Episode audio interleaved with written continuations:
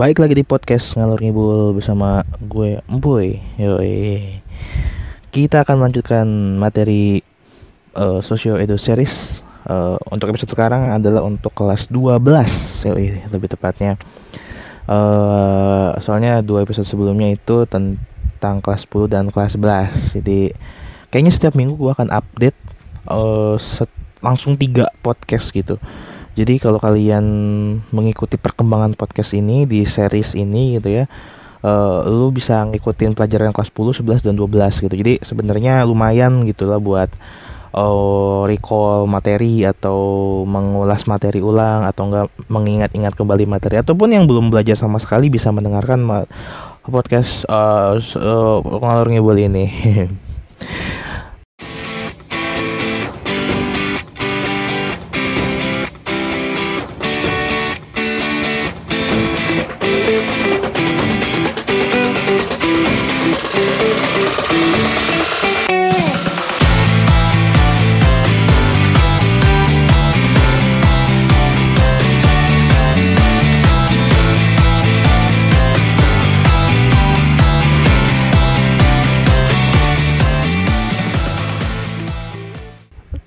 tapi sebenarnya gue tuh punya podcast selain ini gitu ya namanya sosiolog gue.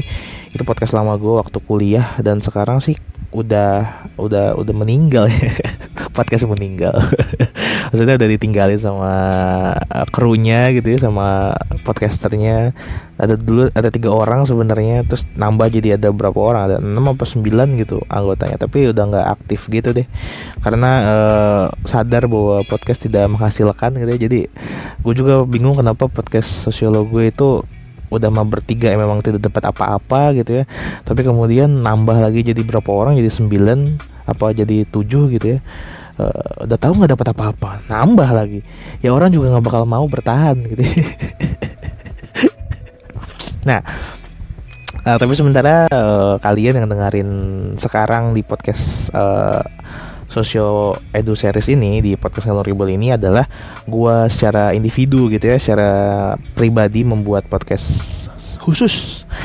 Biar apa? Biar enak uploadnya. Karena kalau numpang di sosiolog gue sebenarnya gue udah ngejelasin materi ini di sana gitu. Lu mau denger di sana juga boleh, tapi di sini juga harus gitu ya karena ini adalah uh, biar banyak yang denger aja. Karena emang gue ngejelasin lebih fokus di sini. Di sana tuh sering bercanda-bercanda gitu.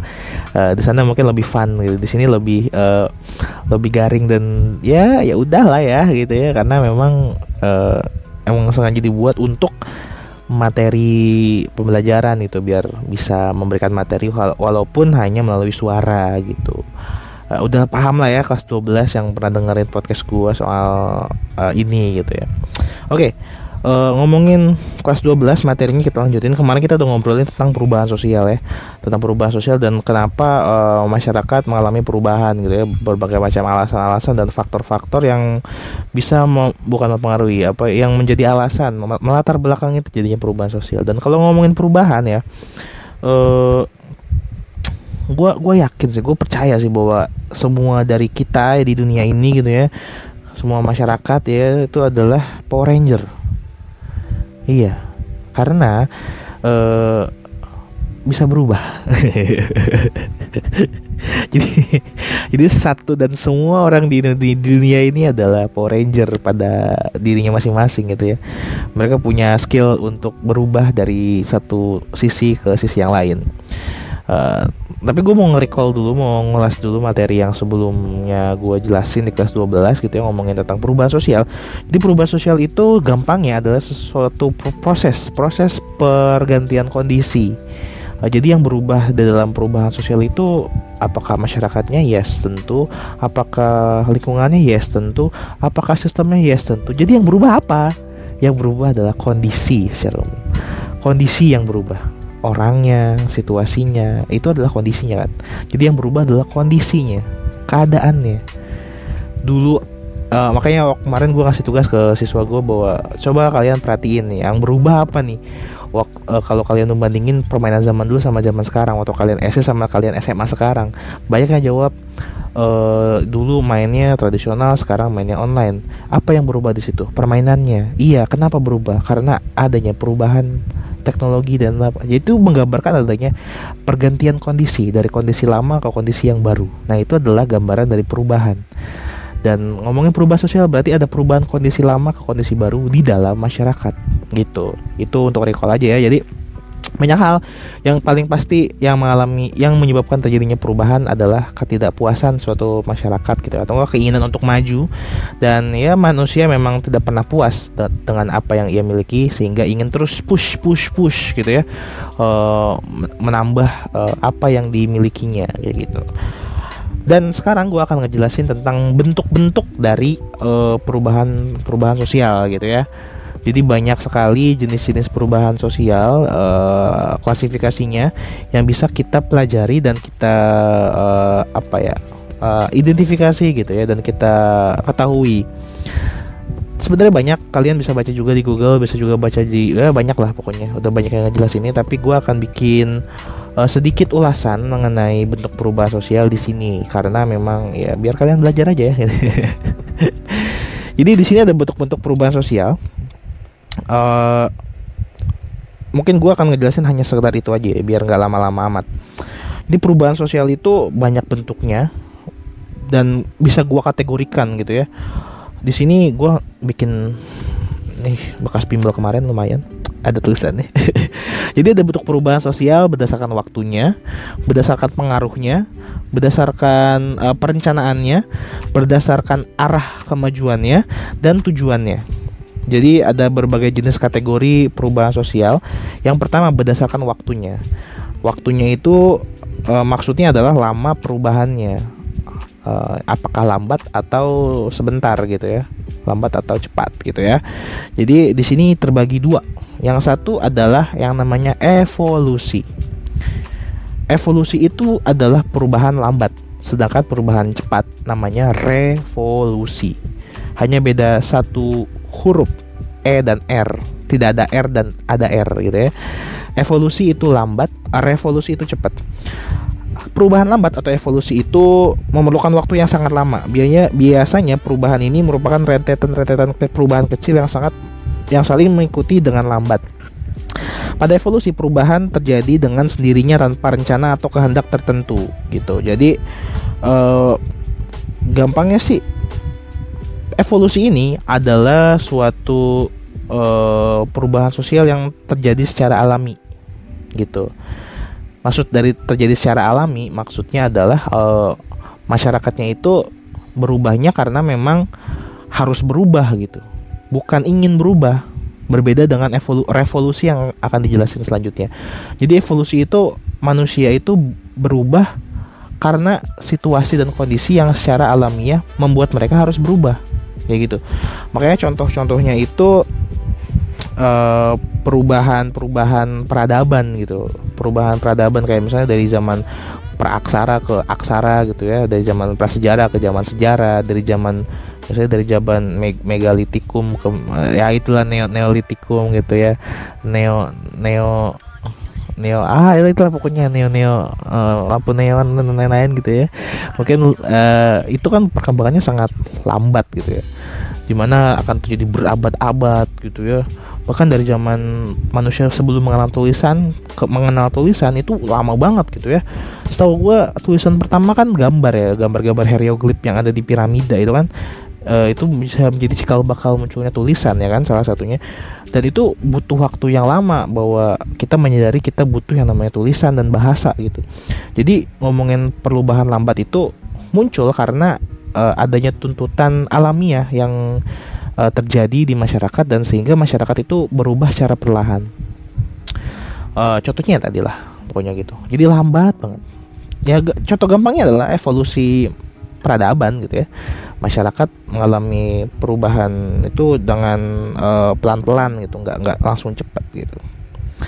Uh di di sini ada beberapa teori ya. Unilinear theories of evolution menggambarkan manusia dan masyarakat termasuk kebudayaannya mengalami perkembangan sesuai tahapan tertentu dari bentuk sederhana ke kompleks. Mungkin yang kemarin gue jelasin mengenai teori linear itu salah satu juga uh, gambaran adanya evolusi di mana perkembangannya dari tradisional ke modern dari uh, sederhana ke kompleks itu sangat lama sekali. Nggak setahun dua tahun bisa berabad-abad bisa lama kayak gitu. Karena memang itu terjadi secara alamiah kayak gitu. Nah uh, kalau kalau revolusi kalau revolusi itu perubahan sosialnya itu cepat. Maksudnya uh, berlangsungnya itu ada eskalasinya gitu. Tiba-tiba berubah aja gitu. Nah itu namanya revolusi. Revolusi itu perubahan sosial dan kebudayaan yang berlangsung secara cepat dan menyangkut dasar-dasar atau sendi-sendi kehidupan masyarakat. Dalam revolusi perubahan yang terjadi dapat direncanakan atau ditambah direncanakan dan dapat dijalankan tanpa kekerasan atau melalui kekerasan. Uh, jadi sebenarnya mau dibilang cepat bukan cepet sedetik gitu enggak. Setahun enggak bisa beberapa tahun gitu. Tapi nggak selama evolusi. Kalau revolusi itu mungkin yang bisa ngebedain adalah uh, adanya niat dari masyarakat buat berubah. Kan kalau evolusi itu masyarakat berubah karena hanya tuntutan keharusan. Mereka harus berubah gitu. Sedangkan kalau revolusi itu mereka memang mau berubah. Mungkin karena ada keinginan-keinginan lain atau ketidakpuasan kayak kemarin gue jelasin gitu ya. Nah itu adalah revolusi. Contohnya adalah uh, reformasi 98 reformasi 98 itu bentuk revolusi karena mereka kan melakukan pergerakan sosial. Nah, pergerakan sosial itu sudah menjadi gambaran bahwa masyarakat ingin melakukan perubahan kayak gitu. Atau contoh lainnya adalah peristiwa uh, proklamasi 1945 gitu ya sama seperti itu walaupun kita hitung-hitungan dijajah lama 350 tahun ke merdeka eh, itu bisa dibilang ada sebuah revolusi di mana ada sebuah gerakan masyarakat yang ingin masyarakat tuh berubah dari yang tadinya belum merdeka menjadi merdeka. Mungkin secara ekskalasinya muncul tanggal 16 Agustus di mana adanya tuntutan uh, generasi apa namanya? Uh, uh, muda-muda itu apa uh, generasi muda ke generasi tua apa sih namanya gue lupa. Nah, itu untuk memerdekakan tadi tadinya kan uh, uh, Jepang kan ingin memberikan kemerdekaannya tuh tanggal 22 apa tanggal berapa gitu ke Indonesia tapi Indonesia mau mau sendiri gitu dengan tanggal 17 Agustus 45 gitu. Jadi istilah, istilahnya itu adalah sebuah ekskalasi yang muncul dengan niat masyarakat untuk melakukan perubahan itu sendiri kayak gitu. Jadi secara sosiologis persyaratan revolusi itu dapat tercapai ketika adanya keinginan masyarakat untuk mengadakan perubahan, tuh kan? Jadi masyarakatnya ini pengen berubah secara niat gitu, nggak nggak cuma kayak didiemin aja terus berubah uh, secara apa? Secara alamiah gitu. Uh, ada ju ada juga seorang pemimpin atau sekelompok orang yang mampu memimpin masyarakat untuk mengadakan perubahan. Jadi ada penggeraknya. Jadi uh, ya kalau kita mau ngambil contoh ke proklamasi ada penggerakan ya kan apa uh, itu muda apa, apa sih namanya gue lupa golongan muda itulah ya golongan muda ke golongan tua gitu ya uh, para golongan muda ini menuntut memimpin uh, pergerakan untuk segera memerdekakan Indonesia kayak gitu. Itu kan ada sebuah ada sebuah gerakan ya dipimpin gitu ya. Ada juga pemimpin yang dapat menampung keinginan atau aspirasi rakyat. Uh, dan merumuskan aspirasi tersebut jadi suatu program kerja. Nah ini bisa digunakan misalnya kayak uh, revolusi mental yang digembor-gembor oleh uh, Jokowi yang pertama Jokowi yang kedua kan tidak tahu gitu ya revolusi mental Jokowi saat itu cukup bagus gitu ya. Itu adalah salah satu aspirasi yang dijalankan oleh pemerintahan. Itu juga bisa bentuk jadi revolusi gitu. Ada juga tujuan konkret yang da yang dapat dicapai. Yes. contohnya kayak ya kita ambil lagi contoh uh, misalnya reformasi 98 ada sebuah goals di mana mereka ingin menggantikan sistem pemerintahan orde baru menjadi reformasi. Nah, itu adalah ada ada tujuan yang jelas, nggak kayak evolusi yang mereka berubah karena memang harus berubah aja secara alami, nggak kayak gitu. Revolusi itu ada tujuannya. Dan ada momentum yang tepat. Jadi ketika keadaan sudah tepat dan baik untuk mengadakan gerakan, makanya ada yang namanya ekskalasi tadi. Dar uh, tanggal 16 Agustus, saya berapa sih tanggal yang bom Hiroshima Nagasaki itu kan nggak selang dari kan uh, masyarakat Indonesia ngerasa wah ini udah waktunya nih ini momen momentum nih kalau misalnya ditinggalin kita nggak bakal merdeka nih dengan diri kita sendiri gitu akhirnya kan kita mencari momentum dan memanfaatkan momentum tersebut untuk mencapai kemerdekaan nah itu salah satu bentuk dari yang namanya revolusi kayak gitu itu berdasarkan waktunya ya. Jadi ada evolusi dan revolusi. Gampangnya kalau evolusi itu perubahannya lambat karena memang secara alami saja jadi perubahan. Tapi kalau revolusi itu cenderung cepat karena memang sengaja untuk dilakukan perubahan, e, diniatkan untuk melakukan perubahan dan memang sudah disiapkan untuk berubah dari satu kondisi ke kondisi yang baru kayak gitu. Selanjutnya ada perubahan berdasarkan pengaruhnya. Ada pengaruh besar dan pengaruh kecil. Kita mulai dari yang kecil dulu, karena yang kecil-kecil tuh emang uh, gampang gitu ya. Apa sih? uh, perubahan kecil itu perubahan yang terjadi pada unsur yang tidak terlalu membawa pengaruh besar. Jadi kalau ngomongin pengaruh kecil ya pasti perubahannya kecil gitu ya. Misalnya hanya uh, nyam, apa hanya berpengaruh kepada sebagian orang doang. Contohnya kayak uh, waktu munculnya BTS Meal ya mungkin dulu yang biasanya makan di uh, eh, KFC gitu ya para army army itu ya kan. Aku tidak suka KFC aku tidak suka McD gitu kan. Aku tidak suka uh, uh, apa namanya burger McFloat apa sih namanya itulah ya burger burger Mac uh, McBurger itu nggak suka gitu. Aku hanya suka KFC. Aku cinta ayam bensu, yoi. Aku cinta CFC. Aku cinta uh, uh, ayam bebek selamat gitu. Nah, misalnya gitu. Uh, kemudian, tapi emang, tapi ada nggak sih K-pop suka bebek selamat? Ada kali ya, ada kali gitu ya. Kemudian muncul tuh BTS Meal di mana kita di mana mereka sebagai fans army ngerasa wah gue harus deket dengan uh, dengan idola gue nih tapi mereka jualannya di McD berarti mau gak mau gue harus suka McD dong. Nah itu. Nah itu bisa dibilang berpengaruhnya kecil hanya kepada mereka aja gitu. Sehingga mereka ingin membeli McD dan lain-lain lah gitulah. Atau contoh lainnya di perubahan kecil itu terjadi ketika mode pakaian gitu ya. Yang kemarin evolusi eh, teori siklus. Di mana hanya berpengaruh kepada uh, masyarakat sebagian masyarakat aja. Misalnya kayak uh, model rambut krit ah bukan keriting apa namanya uh, botak misalnya uh, berpengaruh hanya kepada orang-orang yang mau aja gitu loh yang ngerasa ikutin trennya aja gitu. Uh, ataupun gaya berpakaian misalnya gaya berpakaian uh, ngikutin uh, idolanya gitu. Tapi ya kan cuma sebagian doang yang mau ngikutin. Nah itu namanya pengaruh kecil karena pengaruhnya memang tidak terlalu berpengaruh besar kepada uh, masyarakat yang luas kayak gitu. Bedanya dengan perubahan yang pengaruhnya besar itu adalah pengaruhnya besar kepada masyarakat secara umum, secara luas gitu ya. Uh, berarti berarti di situ terjadi perubahan-perubahan sistem atau organisasi gitu ya atau pemerintahan atau sistem uh, kurikulum misalnya itu adalah salah satu bentuk juga perubahan besar di mana mempengaruhi banyak bentuk dari uh, struktur dan sistem di masyarakat. Ya, contohnya kayak uh, perubahan besar itu terjadi ketika ini uh, pergantian revolusi Prancis dulu. Revolusi Prancis itu kan terjadi karena adanya pergolakan masyarakat dengan pemerintahan, kemudian pemerintahannya digulingkan, ya kan? Kemudian uh, terjadi uh, kudeta gitu ya bukan kudeta juga sih pergerakan sosial gitu di mana akhirnya rakyat memenangkan uh, kemenangan gitu ya dan mengubah sistem pemerintahan di Perancis saat itu gitu ya. Atau contoh yang lebih lokalnya ya reformasi 98 itu adalah perubahan yang besar pengaruhnya. Karena waktu tahun 98 ke belakang terjadi kediktatoran dari otorita otoriternya lah ya dari presiden gitu ya. Kemudian di tahun 98 ke sana muncul yang namanya era reformasi di mana terjadi perubahan yang sangat besar. Salah satunya adalah kebebasan berpendapat. Mungkin waktu zaman orde baru eh, banyak lembaga lembaga-lembaga pers gitu ya berita-berita gitu di yang namanya tuh di bredel uh, kantor-kantornya ditutup jangan sampai dia memberikan berita-berita lagi gitu. Kayak dilarang buat berpendapat lah.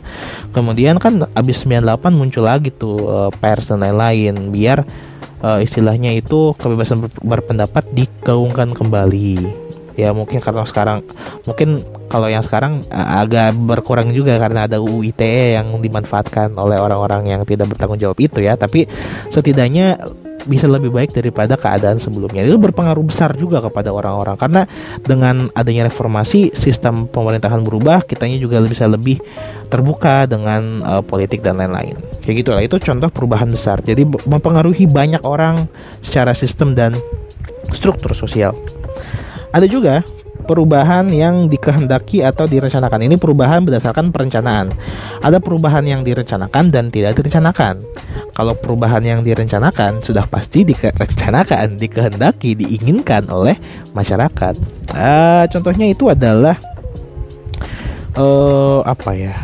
Ada ada ada sebuah gerakan dari uh, masyarakat untuk bergerak berubah dari satu situasi ke situasi yang lain Hmm, contohnya kayak transmigrasi gitu ya. Lo tahu transmigrasi gak sih? Zaman dulu tuh ada yang namanya transmigrasi.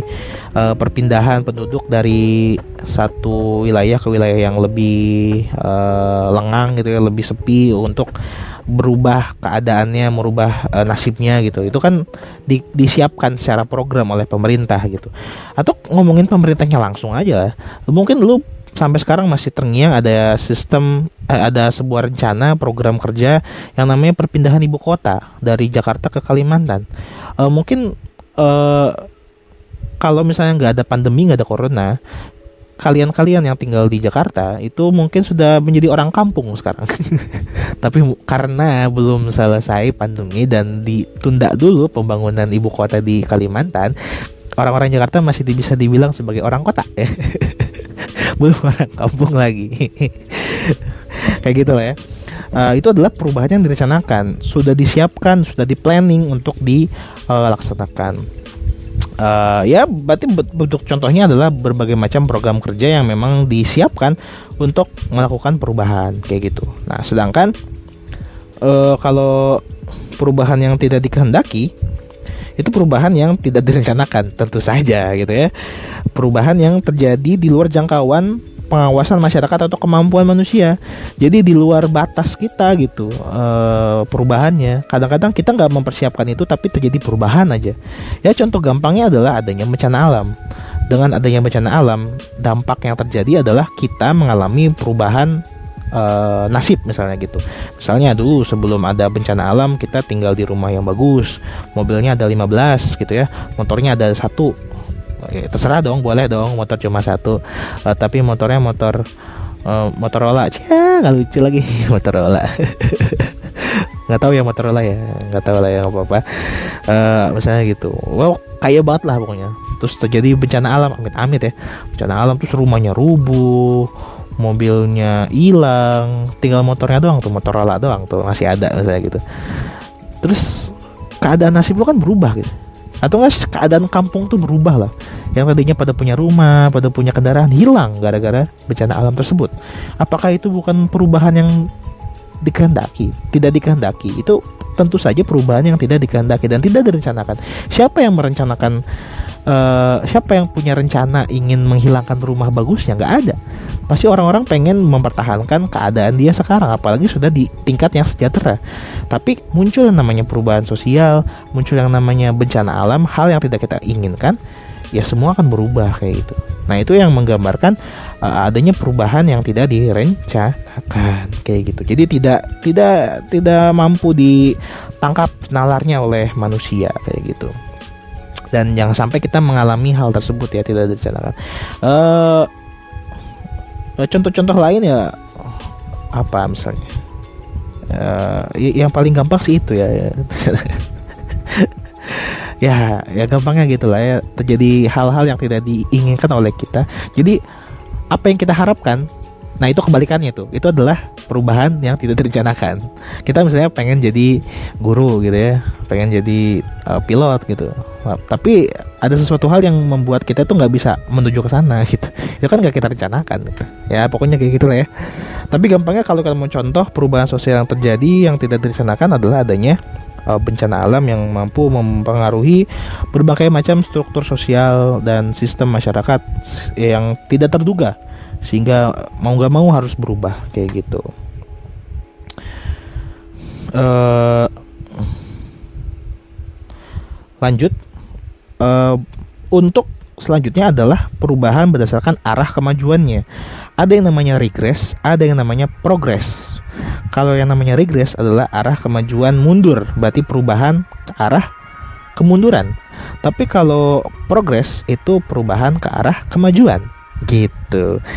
Nah, buat bagian yang terakhir adalah perubahan uh, berdasarkan tujuannya, gitu ya. Uh, perubahan yang memang punya punya uh, apa istilahnya ya, punya orientasi menuju uh, perubahan yang sifatnya itu cukup berpengaruh besar kepada suatu hal yang sangat uh, besar gitu ya. Jadi bisa dibilang kedua perubahan yang akan dijelaskan ini adalah perubahan yang uh, istilahnya apa ya? Yang cukup sering dilaksanakan uh, gitu ya. Uh, terutama yang perubahan proses gitu. Nah, jadi gini. Jadi ada perubahan namanya perubahan struktural dan perubahan proses gitu. Jadi perubahan struktural itu adalah perubahan besar yang sangat mendasar yang menyebabkan perubahan di dalam sistem ataupun aspek-aspek dalam masyarakat. Perubahan struktural ini salah satu bentuk dari perubahan sosial yang direncanakan. Lebih tepatnya perubahan ini diyakini akan terjadi karena adanya dorongan atas perkembangan dari organisasi yang ada di wilayah tertentu atau masuknya pengaruh yang signifikan atas relasi kekuasaan yang didapatkan. Yoi.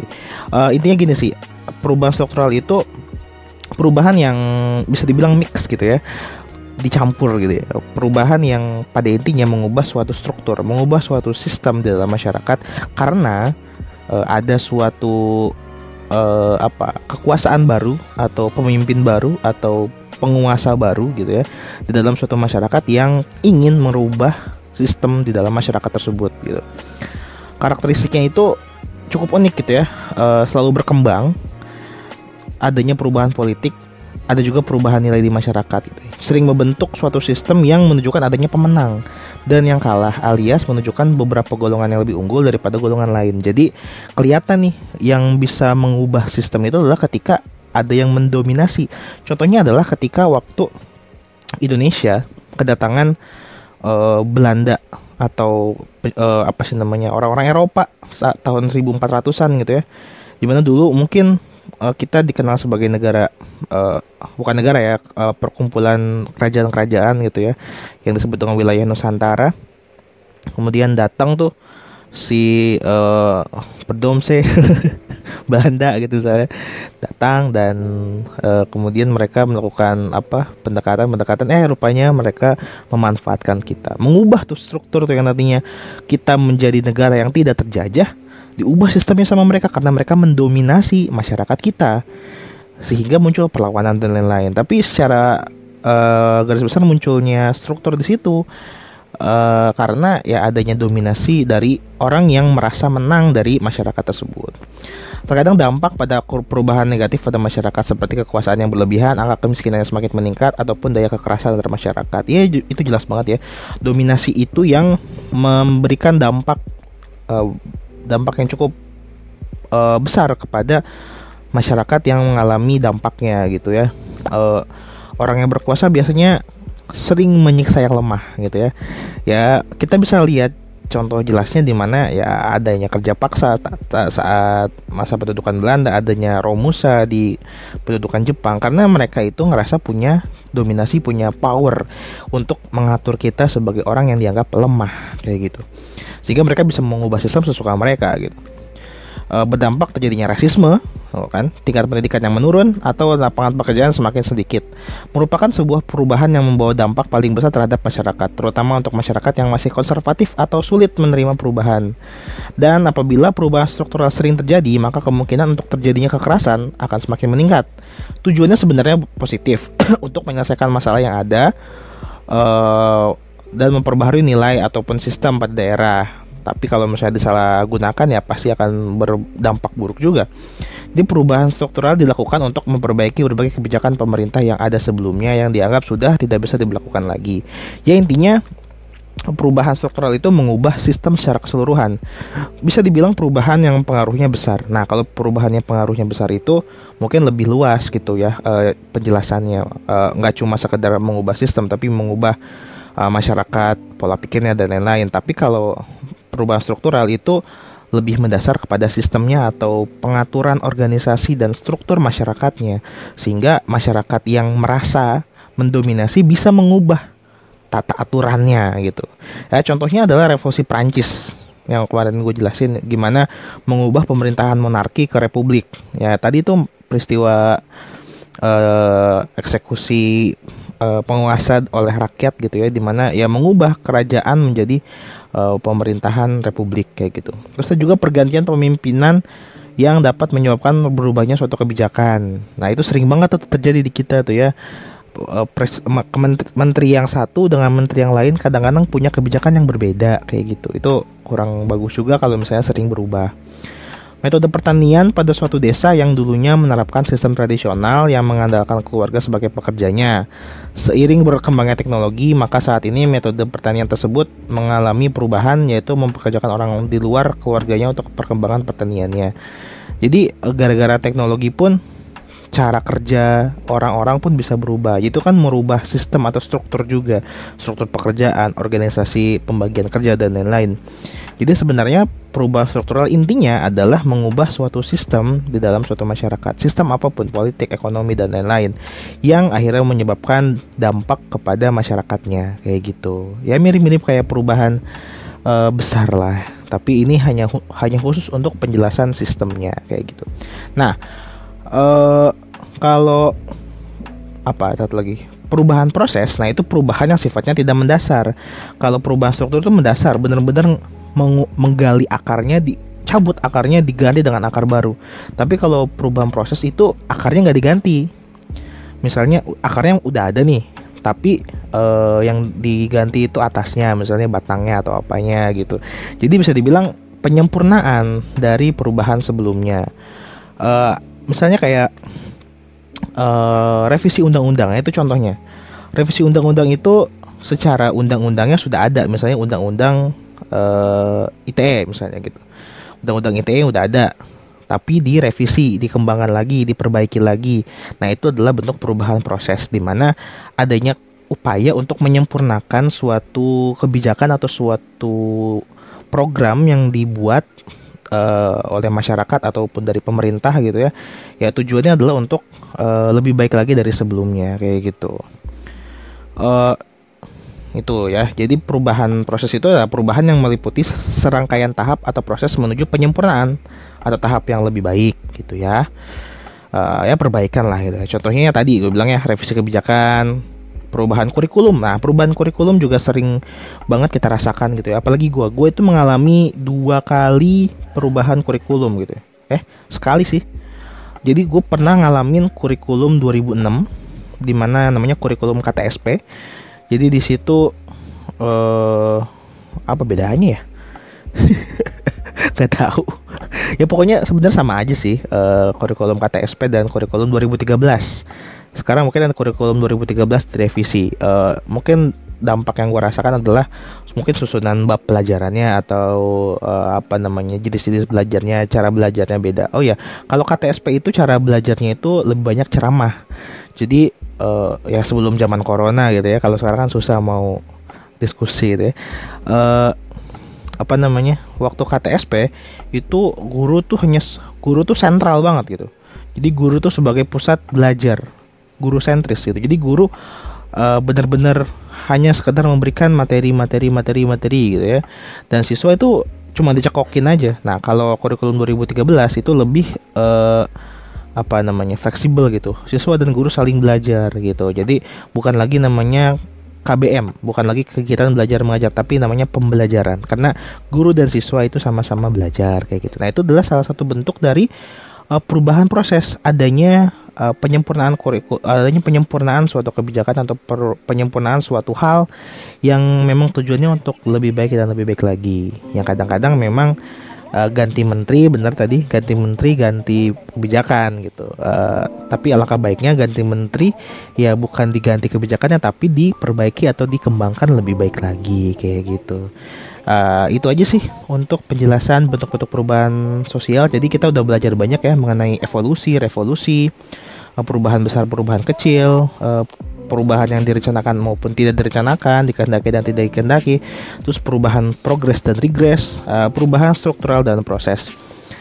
Uh, ya pada intinya semua perubahan itu adalah proses gitu ya. Semua semua perubahan itu adalah suatu tahapan di mana kita bergerak dari suatu kondisi lama ke kondisi baru yang gak bakal bisa kita pungkiri akan akan terjadi cepat atau lambat.